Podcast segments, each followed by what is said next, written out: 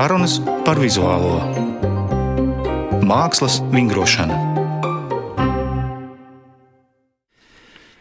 Labdien, radio klasikas klausītāji! Es esmu Kaspars Zariņš, mākslinieks, gleznotājs, un mani viesi šodien ir uh, Alise Careva un uh, Indriķis Ģelzis. Indriķis Ģelzis ir jaunais mākslinieks, ja tā var teikt. Uh, savukārt Alise Careva ir uh, mākslas kurators un galeriste ar nelielu stāžu, bet tomēr. Un šīs dienas tēma, ko mēs varētu apspriest šodien, ir jaunā mākslinieka karjeras uh, iespējas iekšzemē, kas ir Latvija, un starptautiski, jo faktiski mēs esam Eiropas Savienība un uh, šīs iespējas ir jāizmanto. Uh, un kādi soļi būtu jāspēr māksliniekam, lai veidotu labu karjeru karjeru, kas nes augļus. Jo, kā ziniet, mākslinieki arī cilvēki, viņiem jāēd. Un es uzskatu, ka mākslas darbi ir jāpārdod, jo mākslinieks tā ir profesija, kā jebkura.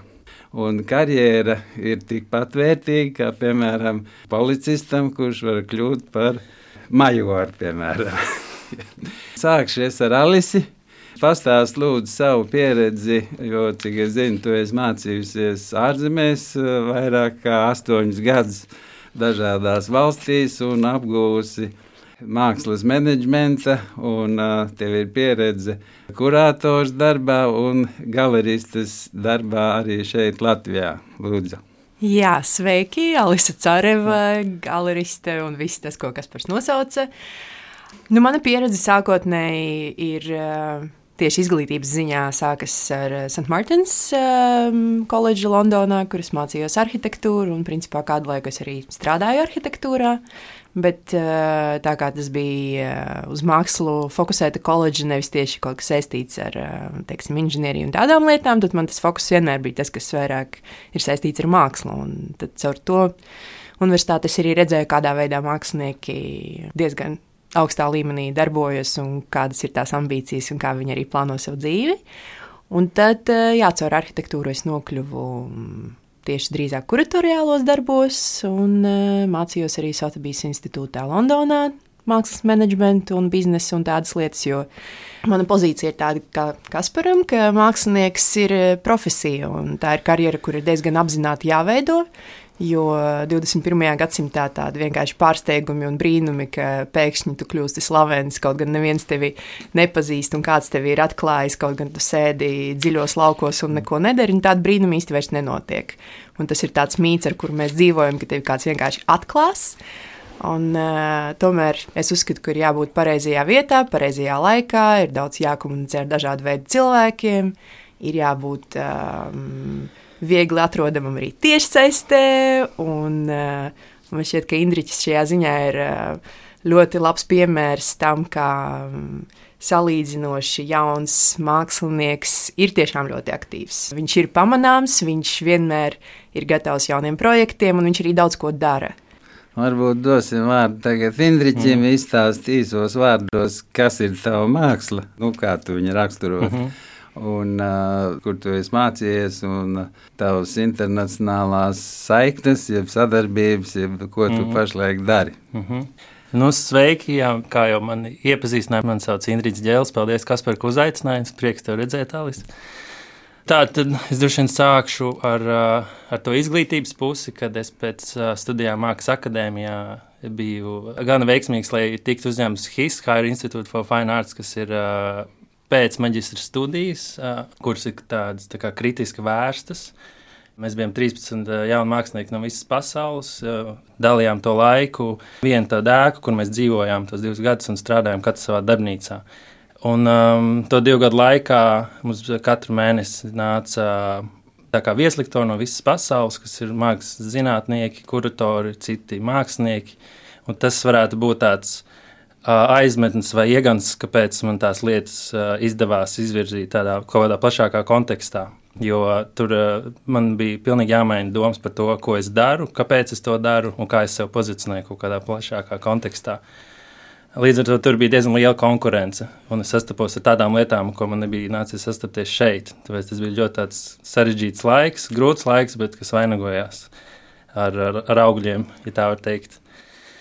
Jā, un tad uh, līdz šim brīdim tad, uh, ir sanācis tā, ka es strādāju trīs galerijām, kuras aktīvi piedalās tādos mākslas tirgos, kuras sadarbojās ar muzejiem, ar institūcijām. Un... Bet kā viņi pie tevis atnāca, ja tu aizgāji pie viņiem? Tas, tas ir īstenībā garš ceļš. Šīs galerijas atnāca pie manis, jo es atceros, studiju laikā vēl akadēmijā es biju tas, kurš gāja ar portfolio, visur meklēja iespējas. Un, varbūt tāds naivs pieejams, bet es zināju, ka tas īstenībā nav tas labākais, bet viņš man kaut kā atmaksājās.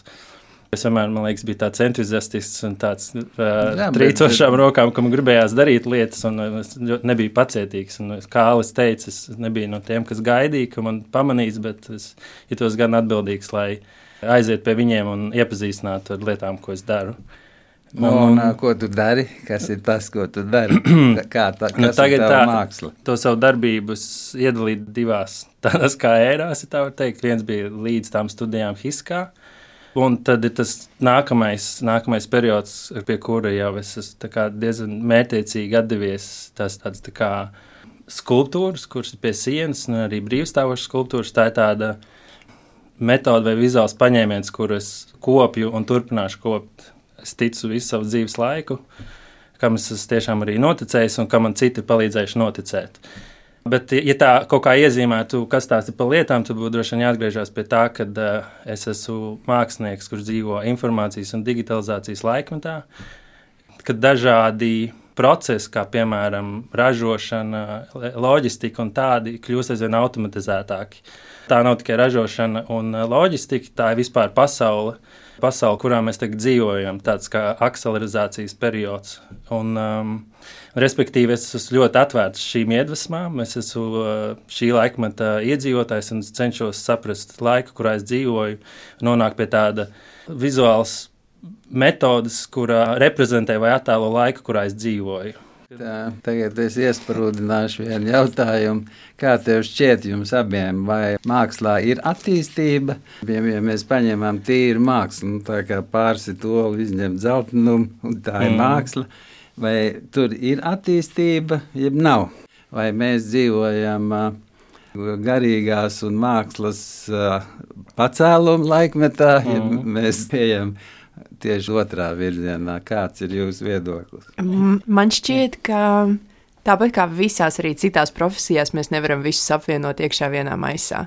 Jo arī šobrīd mums ir ārsti, kas saka, ka vakcinēties ir slikti mm. un netic zinātnē un tā tālāk. Un man šķiet, arī mākslā ir ļoti dažādi virzieni. Un ir cilvēki, kuru māksla varbūt uh, ir kaut kā saistīta arī ar vēsturisko un ir attīstības nākošais posms, bet ir arī daudz cilvēku, kas iedvesmojas no kaut kādām pavisam citām lietām, kas nav saistītas ar vai vispār kaut kādām tradicionālajām lietām.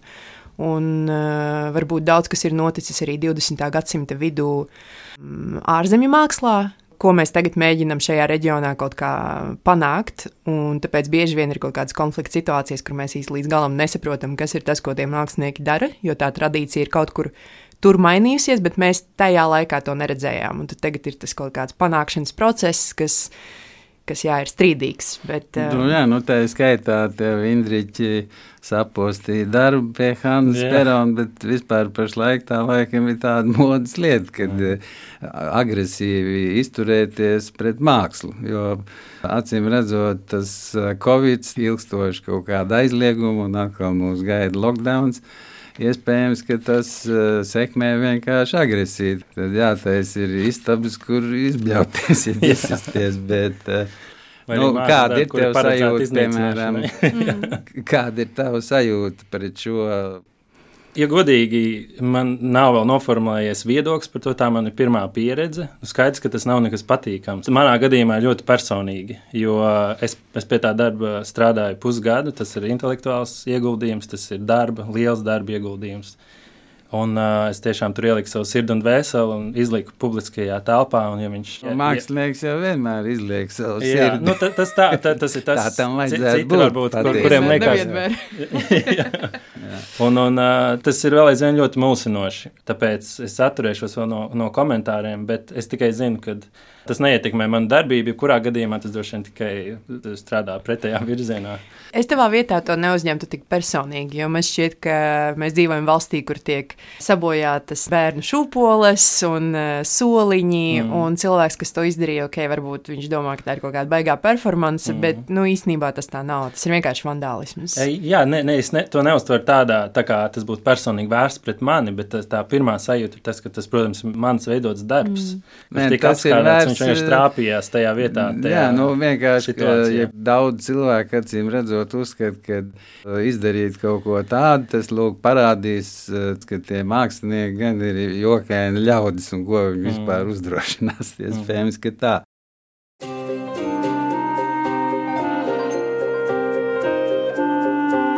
Mākslas vingrošana.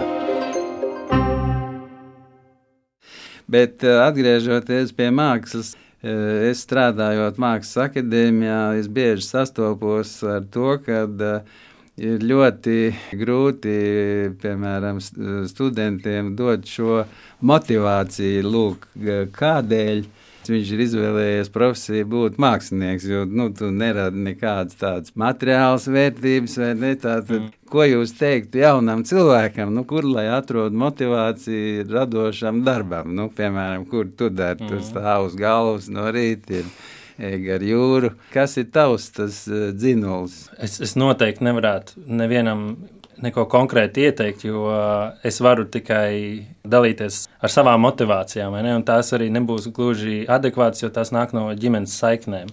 Es esmu audzis tādā vidē, kur, kur vienmēr man vecāki ir ļoti daudz strādājuši.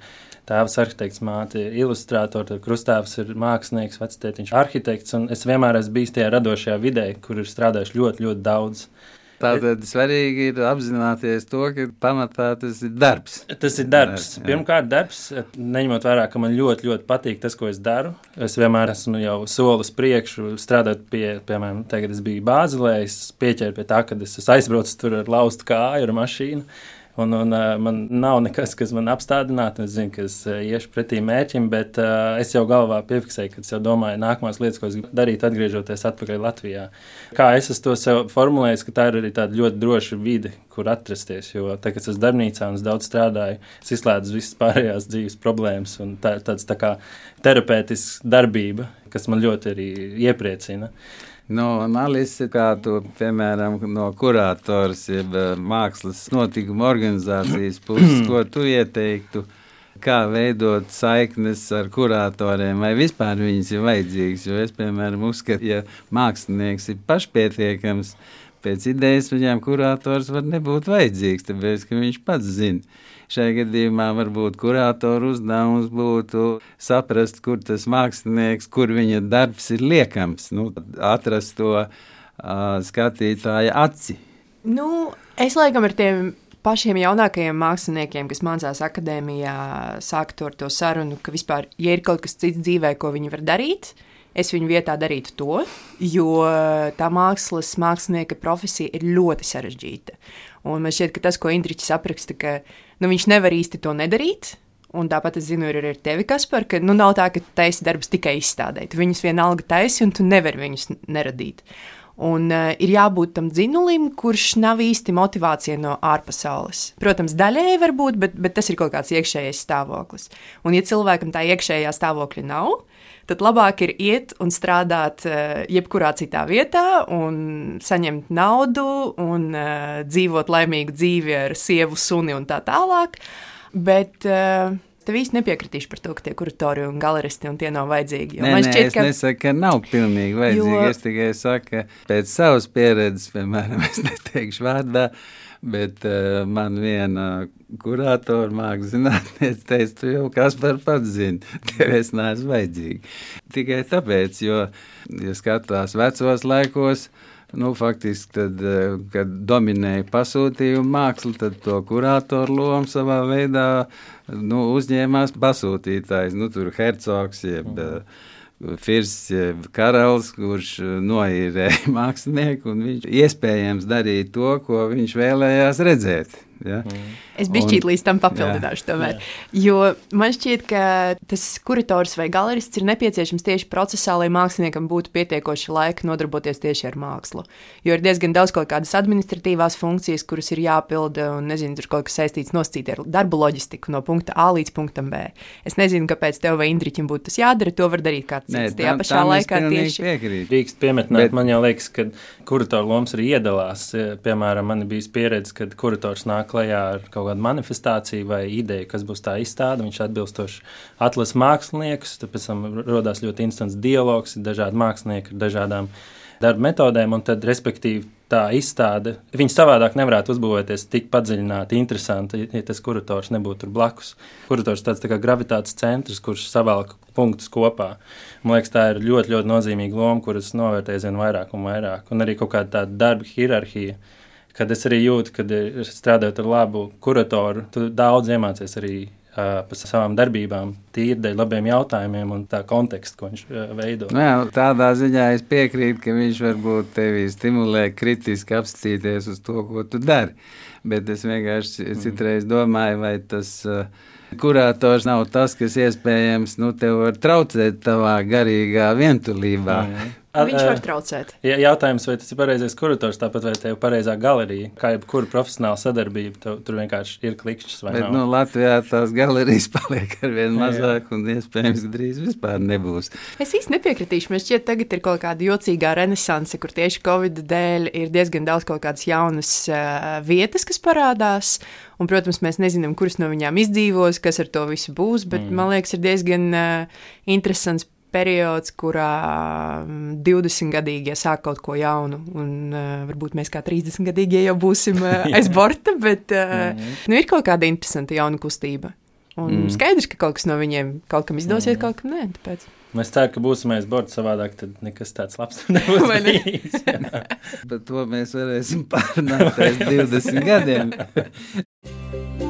Sarunas par vizuālo mākslas vingrošanu katru otro sestdienu, 14.5.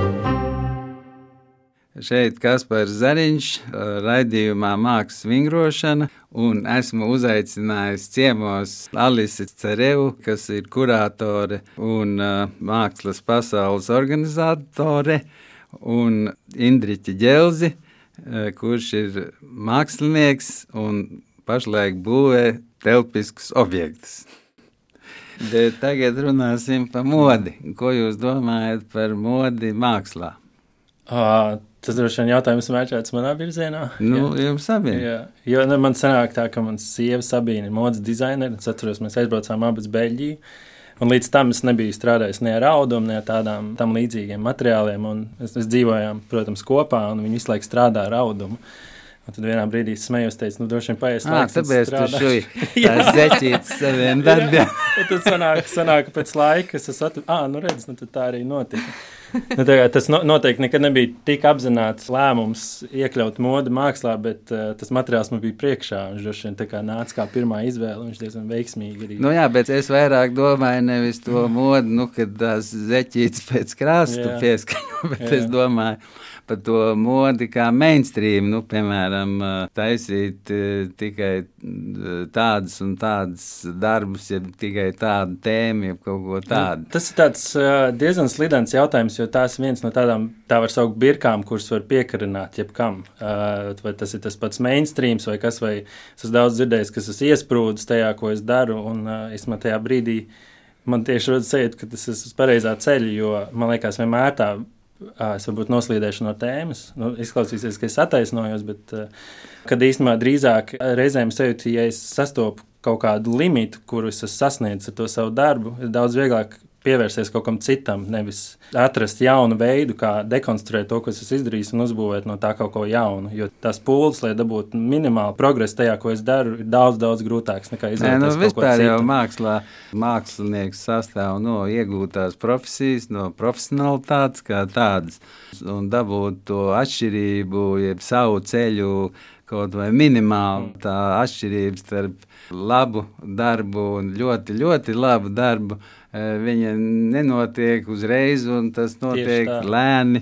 Tad tā. Eh, tā jēga, ka tev jāiet tālāk, tālāk, mm. kaut gan kur iet, tu jau īsti arī nezini. Tu mm. vienkārši tausties intuitīvi mm. kaut kādā mākslas telpā.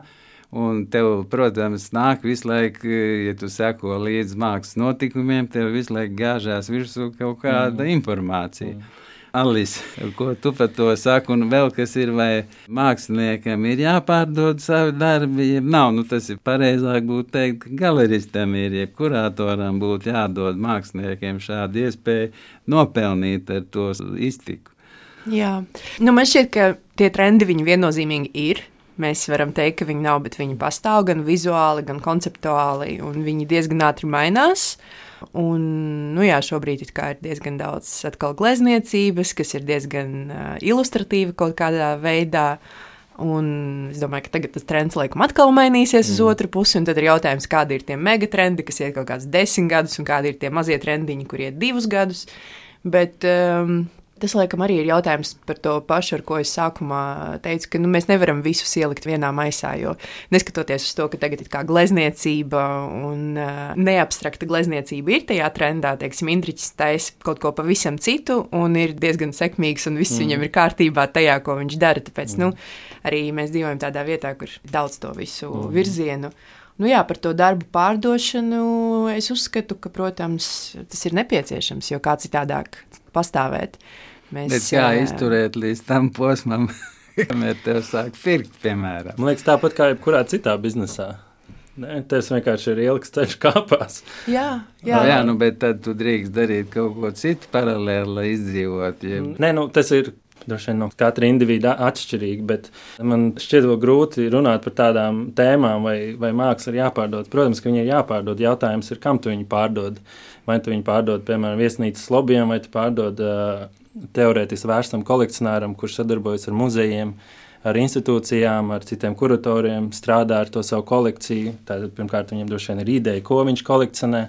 Eh, Viņu aicina uz intervijām, un, un tā ir pilnīgi cita pasaule, kuru es apzinājos tikai brīdī, kad iestājos tajā hiskā. Kad jau tādi jaunāki tipiņi un, un tādi veiksmīgi mākslinieki, mākslinieci bija jau pilnīgi jau citā tādā draivā. Uh, Un, un eh, tad es saprotu, ka man steidzīgi kaut kas ir jādara, ja es gribu izdzīvot un darīt to, kas man patīk. Un, eh, respektīvi, tas ir bijis ilgs ceļš, daudzas izstādes, kurās es piedzīvoju ar zaudējumiem, ar mīnusiem. Bet tas kaut kā lēnām, lēnām, viņveidīgā manierē tie, tie pārdošanas momenti notiek un tiešām labām kolekcijām vai muzejiem.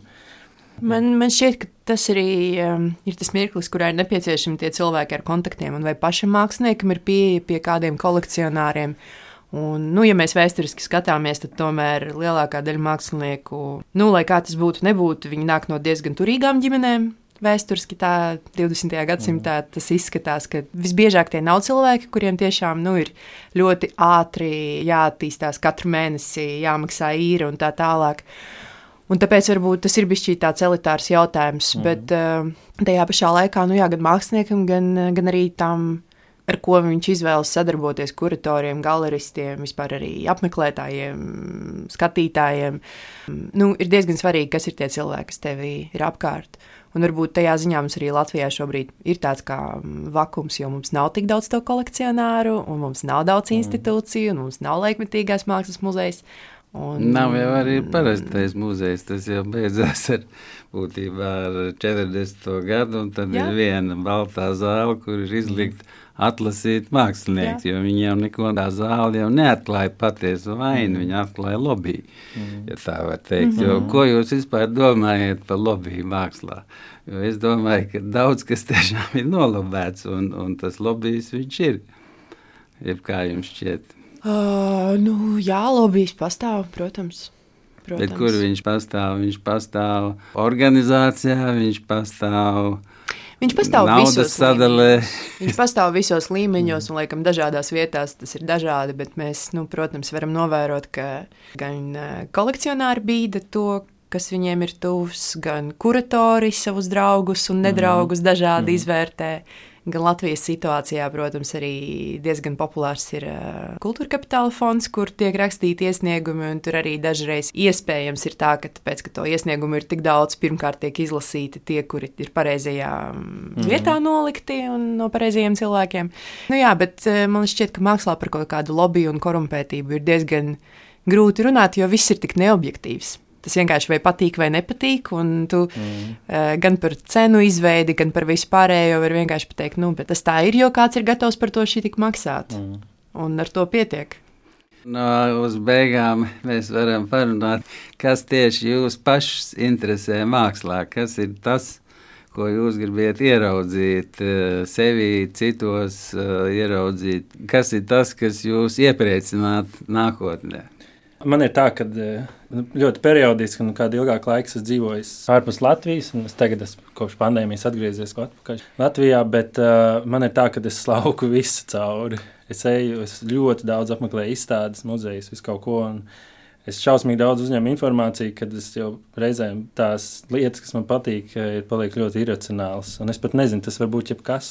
Nu, tagad es eh, ceru vēl tikt uz to Parīzi un redzēt presē eh, atprunāto Annas Inhofas izstādi plus performances, kuras jau norisinās. Un, jā, es nezinu, man ļoti grūti atbildēt. Nu, Parīzē ļoti... ir, nu pat es skatījos, ka Davidam Hoknijam ir oranžērijā izlikta uh, nepārtraukti ainava līdzīgi kā monētās ūdens rozes, uh -huh. tā viņš ir uzgleznojis Yorkshire, ja es nezinu uh -huh. ko. Un arī būs tas uh, Fiat Parīzē. Cerams, ka es arī tur nokļūšu. un tev, Alis, ko tu gribētu redzēt? Un savu lomu. Uh, mana loma šobrīd ir sarežģīta definējama, jo es, kā daudziem esmu teikusi, pandēmijas laikā visdrīzāk neko pati telpas neīrēšu, izstādes netaisīšu. Ar to man ir nedaudz problēma, jo es tiešām uzskatu, ka māksla ir jāredz dzīvajā. Es, es saprotu, ka māksla, nu jā, online visu to var parādīt, tas ir brīnišķīgi, kā, kā vienkārši reprezentācija, bet lai mākslai piedot vairāk jēgas un arī lai to pārdot, tomēr ir nepieciešams dzīvais kontakts gan ar cilvēkiem, gan ar pašiem citiem mākslas darbiem. Un, ja tā nav online māksla, tad, tad jā, es, es sevi neredzu tajā vidē. Um, Tāpēc es īsti nezinu, man tas jautājums ir diezgan sarežģīts. Diezgan kaut kas varbūt notiek arī tajā otrreizējā tirgu Latvijā, un ne tikai Latvijā, bet uh, tā ar jaunajiem māksliniekiem, ar kuru karjerām tiešām ir ļoti aktīvi jāstrādā, man šķiet, ka ir, ir ļoti grūti. Šobrīd es pat iedomāties nevaru, cik sarežģīti tas ir, jo, principā, mākslas mēsas, ok, viņas it kā šogad bišķīt notikas, visas mm. sagrūstas vienā mēnesī, bet uh, cik tas bija rezultatīvi, man grūti spriest. Nu, tad jāpārfrāzē tas vecais jaunlatviešu teiciens, kad Latvija brauciet jūriņā. Tā ir jāsaka jaunie mākslinieki. Mm arī vecie pēc iespējas mm. un vidējie. Turiet acis vaļā un brauciet pasaulē. Jo es ļoti ceru, kad pienāks tas laiks, kad kāds no vizuālās mākslas uh, māksliniekiem kļūs internacionāli atpazīstams un, un kā teikt, konvertējams. Jo faktiski, ja būs viens, ir divi, tad panesīsies, un cilvēki arī sāks skatīties uz šo pusi. Jo mm. šeit ir eh, vienmēr ļoti sarežģīta lieta, vai mums ir jālīdzinās kādam, jeb mm. tieši otrādi mums ir jābūt pilnīgi pašiem. Dīvainīšiem, jāēd mm. sēnes, jādzīvo kokos. Bet, nu, cerēsim uz to, tā kā es jums abiem novēlu sasniegt tālus, kur saule aust un kļūst uh, internacionāli konvertējamiem. Paldies jums, un lai veicās. Paldies, paldies, paldies, paldies Kaspar. Tev arī novēlu to pašu. Jā, paldies. Šodienas raidījumu vadīju es, Kaspars Zariņš, glaznotājs, un mani dārgie viesi bija Alise Cereva, mākslas kurātore, un Indriķis Ģelzis, mākslinieks, raidījuma producente Inta Pīrāga. Raidījums tapis ar valsts kultūra kapitāla fonda atbalstu.